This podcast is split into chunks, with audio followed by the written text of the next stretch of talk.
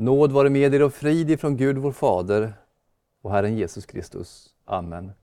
Hörs så Herrens ord i episteltexten på den tredje söndagen efter trefaldighet. Så skriver aposteln Paulus i sitt brev till församlingen i Rom, det femte kapitlet och från den sjätte versen. Medan vi ännu var svaga dog Kristus i ogudaktiga ställe, när tiden var inne. Knappast vill någon dö för en hederlig människa. Kanske vågar någon gå i döden för den som är god. Men Gud bevisar sin kärlek till oss genom att Kristus dog i vårt ställe medan vi ännu var syndare. Amen. Herre, helga oss i sanningen. Ditt ord är sanning. Amen. När är rätt tid? Vi tänker ofta senare, inte än. När jag är klar, när jag är redo. Då. Och ibland är det så, ibland inte. När vi var små så tänkte vi kanske att allt var möjligt senare, när vi blev vuxna. Då skulle vi förverkliga våra drömmar. Vi kunde bli allt. En astronaut, en äventyrare, en musikartist. Vi tänkte allting var ju möjligt, allt gick ju. Och snart skulle jag bli precis den där jag drömde om. Det gick ju att tänka så då, för att vuxenlivet verkade så oerhört långt borta. Men tiden gick fortare än vi tänkte och när vi var där så hade vi inte förverkligat bråkdelen av våra drömmar och kanske tänkte vi senare att det fortfarande finns tid kvar att göra saker som vi vill.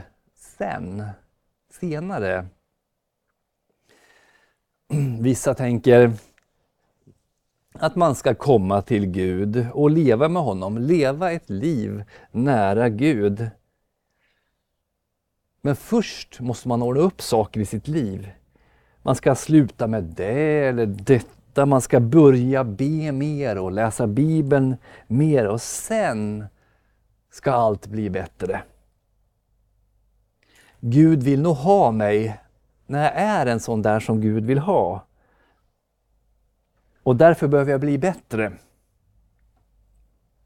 Gud är till för dem som lever som han vill och gör som han vill.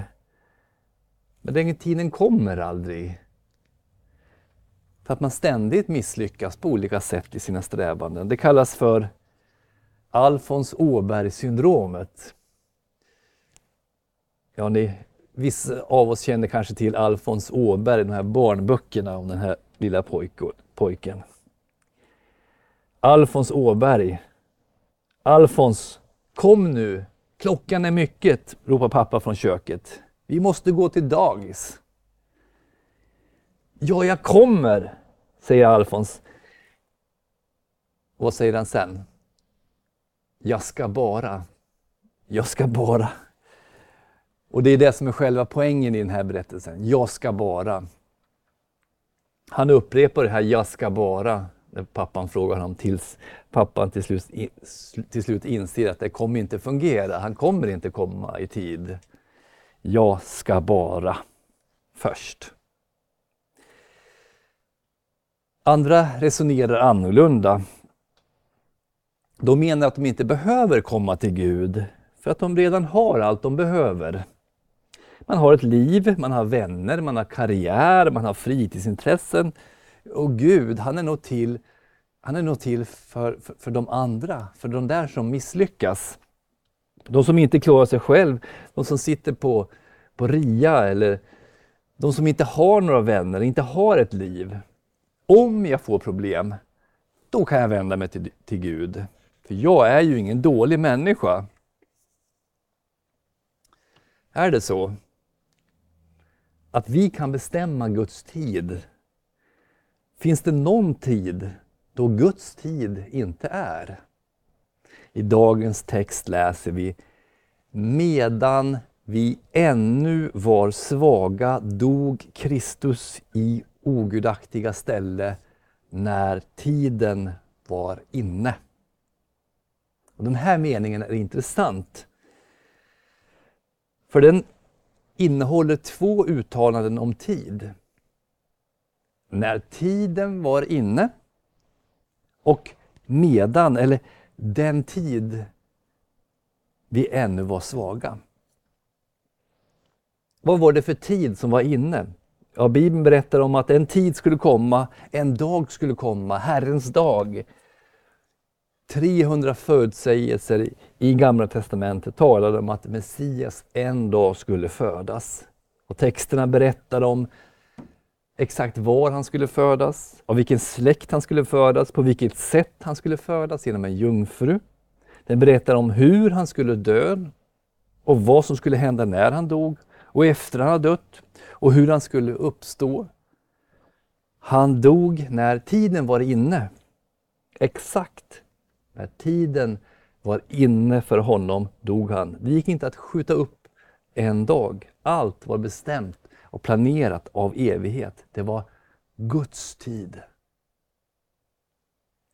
När tiden, står det i skriften, var fullbordad sände Gud sin son, född av kvinna, ställd under lagen för att han skulle friköpa dem som stod under lagen så att vi skulle få söners rätt. När tiden var fullbordad, alltså fullkomnad. Precis som när man fyller upp ett glas vatten. Du kan bara fylla upp det till kanten. Du kan inte fylla mer. Då är glaset fullbordat, fullkomnat, det är fullt. Då sände Gud sin son när tiden var mogen. Och så är det med Guds tid, Guds egen tid. Den kan man inte förhandla med. Kristus har kommit och när han kommer så kommer ropet Omvänd er, Guds rike är nu här, ropar apostlarna. Han som är sann Gud och sann människa, han som är rättfärdig, han har kommit nu. När är då vår tid? Texten säger inte så här. Tiden är när du har blivit gudfruktig. Då gäller Kristus dig. Det står inte så. Det står inte heller Kristus kom för andra än dig. Du kan vänta. Vad säger den då? Den säger Medan vi ännu var svaga dog Kristus i ogudaktiga ställen när tiden var inne. Knappast vill någon dö för en hederlig människa. Kanske vågar någon gå i döden för den som är god. Men Gud bevisar sin kärlek till oss genom att Kristus dog i vårt ställe medan vi ännu var syndare. Det handlar om oss. Det handlar om vi. Det handlar inte bara om alla andra. Det handlar inte bara om kristna. Han är försoningen för våra synder, inte bara för våra utan också för hela världens. Dessa vi, det är alltså alla människor. Men aposteln skriver ett brev till djupt troende människor. Kristna människor, människor som försöker leva ett heligt och rättfärdigt liv. Han säger att frälsningen gäller svaga, ogudaktiga människor, ja, syndare, säger han. Varför ska man tala om synd och elände till djupt kristna människor? Borde inte aposteln istället tala om ljus och liv och salighet? Svaret är att man inte förstår djupet av Guds kärlek om man inte förstår djupet av sitt eget fördärv. Man förstår inte behovet av förlåtelse och lär sig att uppskatta nåden om man inte förstår att man har gjort fel. Det handlar inte om att vältra sig i elände, utan om att visa båda sidorna av myntet. Texten säger att Kristus dog för oss medan vi ännu var svaga. Ja, människan är i sig själv svag, ja, hjälplös, som vissa översättningar skriver. Och är man hjälplös, ja då kan man ju inte förändra sig själv. Eller hur? De som trodde sig att ha allting i sin hand och som därför ansåg sig inte behöva Gud, de måste alltså tänka om. Man kan förändra utsidan, men insidan kan bara Gud förändra. Människan har försökt i alla tider att förändra sig genom att disciplinera disciplinera sig själv, genom att försöka följa olika moraliska regler, genom att utbilda sig, genom att lära sig tala och tänka på ett visst sätt. Det förändrar visserligen handlingarna till en del, men det förändrar inte vilka vi är, hur vi ser ut i vår natur, hur våra hjärtan är. Har ni hört uttryckssättet Gud hjälper den som hjälper sig själv? Har ni hört det uttrycket? Det är ett ganska välbekant citat som dyker upp ibland. Gud hjälper den som hjälper sig själv. Och citatet är så välkänt så att jag tror att många säkert tror att det står i Bibeln. Det gör det inte. Det står inte i Bibeln. Det härstammar faktiskt ifrån Al Gorney Sydney som sa så 1698 och Benjamin Franklin han populariserade det här uttryckssättet år 1757 i en skrift. Men Benjamin Franklin, han talar om att man inte ska tro att man kan åtnjuta sociala förmåner om man inte är beredd att arbeta för dem. Franklin, han talade om förhållandet i samhället. Han talar om förhållandet mellan människor. Men Bibeln,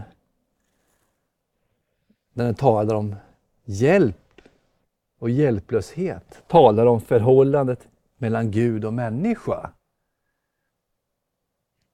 när det gäller frälsningen.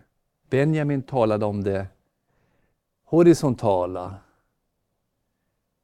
Bibeln talar om det vertikala förhållandet mellan människa och Gud.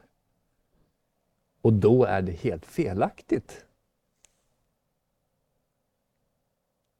Det blir obibliskt om man överför tanken till det andliga området. För Bibeln lär ju att det är precis tvärtom. Gud hjälper dem som hjälper sig själv. Nej. Gud är till för de hjälplösa. Jesaja säger Du är ett skydd för den, den svage. Ett skydd för den fattige i hans nöd. En tillflykt undan storm, en skugga undan hetta. Jesus sa Det är inte de friska som behöver läkare utan de sjuka tillbaka. Jag har inte kommit för att kalla rättfärdiga till omvändelse, utan syndare. Så om man inte räknar sig själv till skaran av hjälplösa, om man likt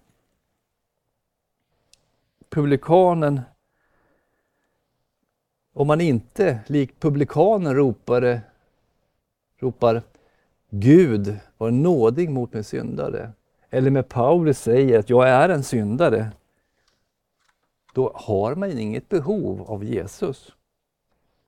Och Därför påminner oss Bibeln om och om igen, överallt, att vi är hjälplösa och svaga i oss själva. Det gäller alla människor, därför att vår natur är skadad av syndafallet. Därför är det en tröst när dagens text säger Medan vi ännu var svaga dog Kristus i ogudaktiga ställen när tiden var inne. Knappast vill ju någon dö för en hederlig människa, kanske vågar någon gå i döden för den som är god.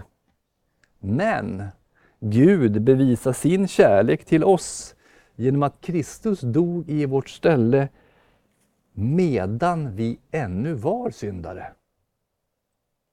Det finns inget berömvärt i att vara svag eller hjälplös. Det finns inget egenvärde i det. Utan det är bara fakta. Det är bara någonting som vi måste erkänna.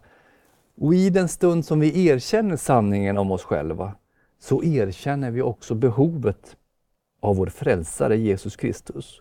Och vi förstår genom evangeliet hur djup, stor och vid hans kärlek, nåd och förlåtelse är. Texten säger att han dog i ogudaktigas ställe.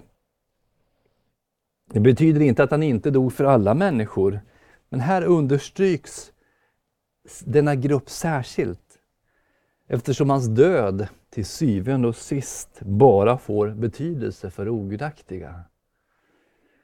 Han dog inte för sig själv, för han hade inte syndat och förtjänade därför inget straff. Han dog inte för änglarna, för det var människonatur som gudasonen antog när han föddes som människa. Hans död hade in, inte betydelse för de självrättfärdiga, de egenrättfärdiga. För de som menar sig kunna bli rättfärdiga på egen hand, de behöver inte Kristi rättfärdighet som förmedlats till oss genom Kristi lydnad, lidande, död och uppståndelse. Nej, medan vi ännu var svaga dog Kristus i ogudaktiga ställe när tiden var inne. Det kanske inte är så att någon tänker om sig själv som särskilt ogudaktig. Särskilt inte människor som är religiösa på, på något sätt. Men aposteln förklarar i Efesierbrevet att om man är utan Kristus så är man utan Gud. Även om man ber fem gånger om dagen.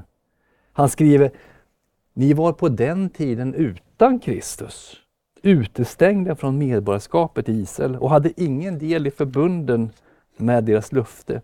Ni levde utan hopp och utan Gud i världen. Och då talar han till strängt religiösa människor. Så i grunden är vi utan Kristus också utan hopp, utan Gud i världen. Vi är ogudaktiga men aposteln fortsätter i versen efter. Men, säger han, i samma brev, i Efesierbrevets andra kapitel, den trettonde versen. Men nu har ni, som är i Kristus Jesus och som en gång var långt borta, kommit nära genom Kristi blod. Genom Kristi blod, genom att Kristus, medan vi ännu var svaga, dog i ogudaktiga ställe. Genom detta så har situationen förändrats. Aposteln beskriver oss inte bara som svaga och ogudaktiga utan också som syndare. Som vi vet betyder att man har missat målet. Synd betyder ju att missa målet. Och det är ju en bra beskrivning av oss människor, hur vi siktar, men vi skjuter vid sidan av målet. Vi levde inte de, Gud, de liv som Gud ville att vi skulle leva. Allt sedan Eden har vi jagat kunskapens träd, viljan att bli som Gud, att få makt och ära istället för att jaga efter livets träd. Därför blev människornas liv inte som Gud ville. Därför präglas världen av omoral, av brist på lydnad, av uppror, av avundsjuka och begärelse efter att få tillfredsställa våra egna behov istället för att lyda Guds bud. Vi borde skämmas för att vi inte lever eller är som Gud har tänkt. Vi borde ångra oss.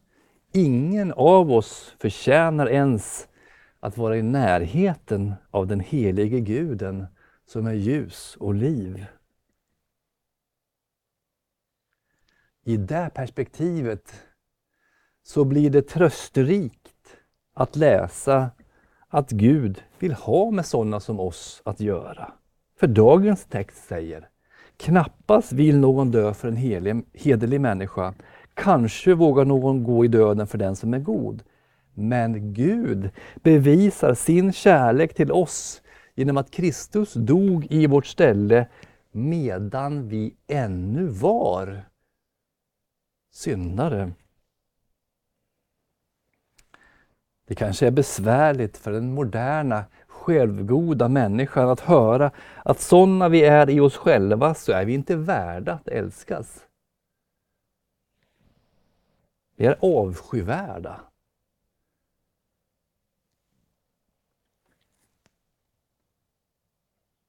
Men sa jag inte nyss att Gud älskar oss? Är vi då inte värda att älskas? Svar.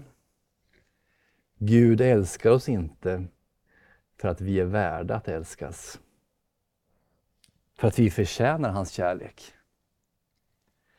Gud älskar oss trots de vi är. Trots vår synd. Det är det förundliga med hans kärlek. Ty så älskade Gud världen att han utgav sin enfödde son för att den som tror på honom inte skall gå förlorad utan ha evigt liv. Inte sände Gud sin son till världen för att döma världen utan för att världen skulle bli frälst genom honom. Så uppenbarades Guds kärlek till oss. Han sände sin enfödde son till världen för att vi skulle leva genom honom. Kärleken består inte i att vi har älskat Gud, utan i att han har älskat oss och sänt sin son till försoning för våra synder. Utan honom är vi ingenting. Men i honom, i Kristus, i Guds kärlek till oss får vi ett verkligt värde. Nyckeln till att förstå denna dubbelhet ligger i orden i oss själva och i Kristus. Nyckeln ligger i skillnaden mellan lag och evangelium. I lagens ljus vill Gud döma i evangeliets ljus så vill Gud förlåta. I oss själva så är vi fördömelsevärda. I Kristus är vi friköpta, återlösta och förlåtna. Det är därför Bibeln kan beskriva oss både som svaga, ogudaktiga och syndare och samtidigt beskriva oss som rättfärdiga, heliga och rena nyckeln?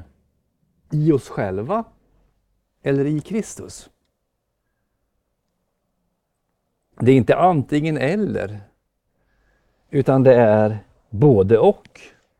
Samtidigt rättfärdig och syndare. Om man brottas med dålig självkänsla och självförakt så beror det på att man stirrar in i sig själv.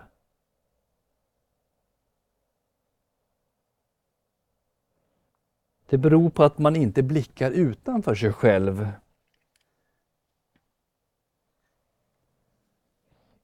Det beror på att man ser på sig själv i lagens ljus istället för att se på sig själv i evangeliets ljus. För samme psalmist, samme person, David, som kan bekänna jag känner mina överträdelser, min synd är ständigt inför mig. Det är mot dig jag har syndat och gjort det som är ont i dina ögon. Du är rättfärdig när du talar, du är ren när du dömer. Se, i synd är jag född och i synd blev jag till i min moders liv. Samme psalmist, David, kan också säga i en annan psalm Bevara mig som en ögonsten. Beskydda mig under dina vingars skugga. Ögonsten, vad är det för någonting? Vad är en ögonsten för någonting? I ordböckerna så finner man som synonym till ordet ögonsten juvel, skatt, gunstling och älskling. Det är ögonsten. Om du är Guds egen juvel, Guds egen skatt, Guds egen gunstling och älskling, då har du ju ett värde i hans ögon. Eller hur? Varför? Därför att Gud är kärlek. Därför att Guds sons blod har runnit på korset för dina synders skull, för att friköpa dig och mig ifrån alla synder, ifrån all skuld. Han har uppstått för att skänka oss full rättfärdighet, som sångaren sjunger. Se ej på mig, se på din son, o Gud, se på ditt fridsförbund och lär du mig att se mig täck i Sonen varje stund. Alltså vacker i Sonen varje stund. Han är min frid och min salighet. Med honom har jag allt. Se på din son, se på din son och mig i honom blott. I honom är jag vit och ren. Hur svart i mig jag är, i honom är jag god och from och helig redan här. Ty vad han är, det är och jag. Och vad han har, har jag. Fullkomlig helighet för dig och allt ditt välbehag. Vårt värde i Guds ögon, i hans kärlek och hans förlåtelse är, som vi lär oss i dagens text, Gud bevisar sin kärlek till oss genom att Kristus dog i vårt ställe medan vi ännu var syndare. Det finns inget utrymme för självförakt eller dålig självkänsla i evangeliet. Hur skulle vi kunna förakta den som Gud älskar?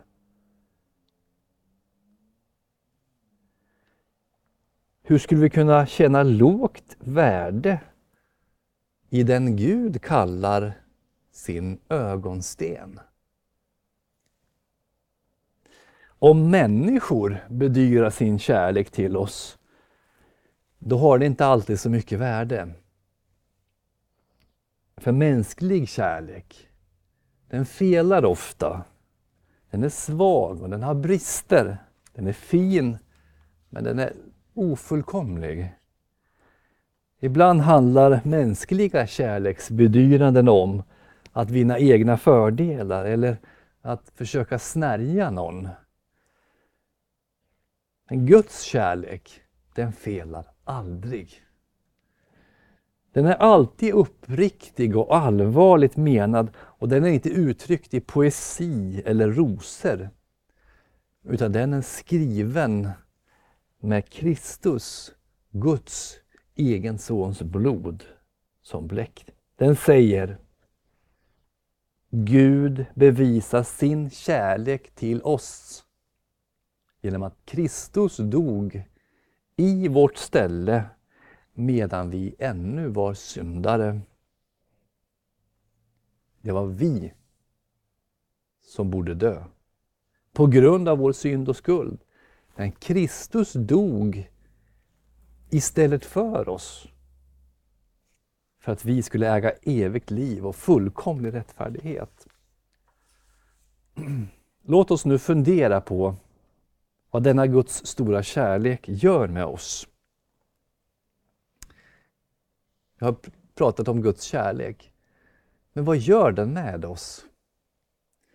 Jesus är inne på den frågan i Lukas evangelium, det sjunde kapitlet och den 47 versen, när han säger till farisén Simeon om synderskan vid Jesu fötter. Hon har fått förlåtelse för sina många synder. Det är därför hon visar så stor kärlek. Men den som har fått litet förlåtet älskar litet. Om vi inte ser våra synder som ett stort problem, om vi nästan inte förstår hur illa ställt det är med oss invärtes, ja men då betyder ju inte förlåtelsen så mycket heller. Det blir en liten förlåtelse om det blir någon förlåtelse alls från Guds sida. Och då blir vårt gensvar på Guds kärlek inte heller så stort. Eller hur? Men om vi inser att vi ingenting förtjänar, utan att vi får allting av nåd, då fylls våra hjärtan av tacksamhet och kärlek för hans stora nåd och förlåtelse. Aposteln Johannes skriver, vi älskar därför att han först har älskat oss. Det betyder att om vi ska växa i kärlek och lydnad så handlar det inte om att stirra på vår egen kärlek och lydnad eller tala om hur vi ska leva i lydnad, hur vi ska älska, hur vi ska agera. Utan det handlar om att se upp till ett trä, kargt träkors där frälsarens ansikte tyngts och sargats av en vass törnekrona. Det handlar om att se på Kristus. Hur Gud älskar oss så mycket att han sänt sin enfödde son. Ser vi det så kommer Guds kärlek att skapas i våra hjärtan som vänder sig till vår nästa. Amen.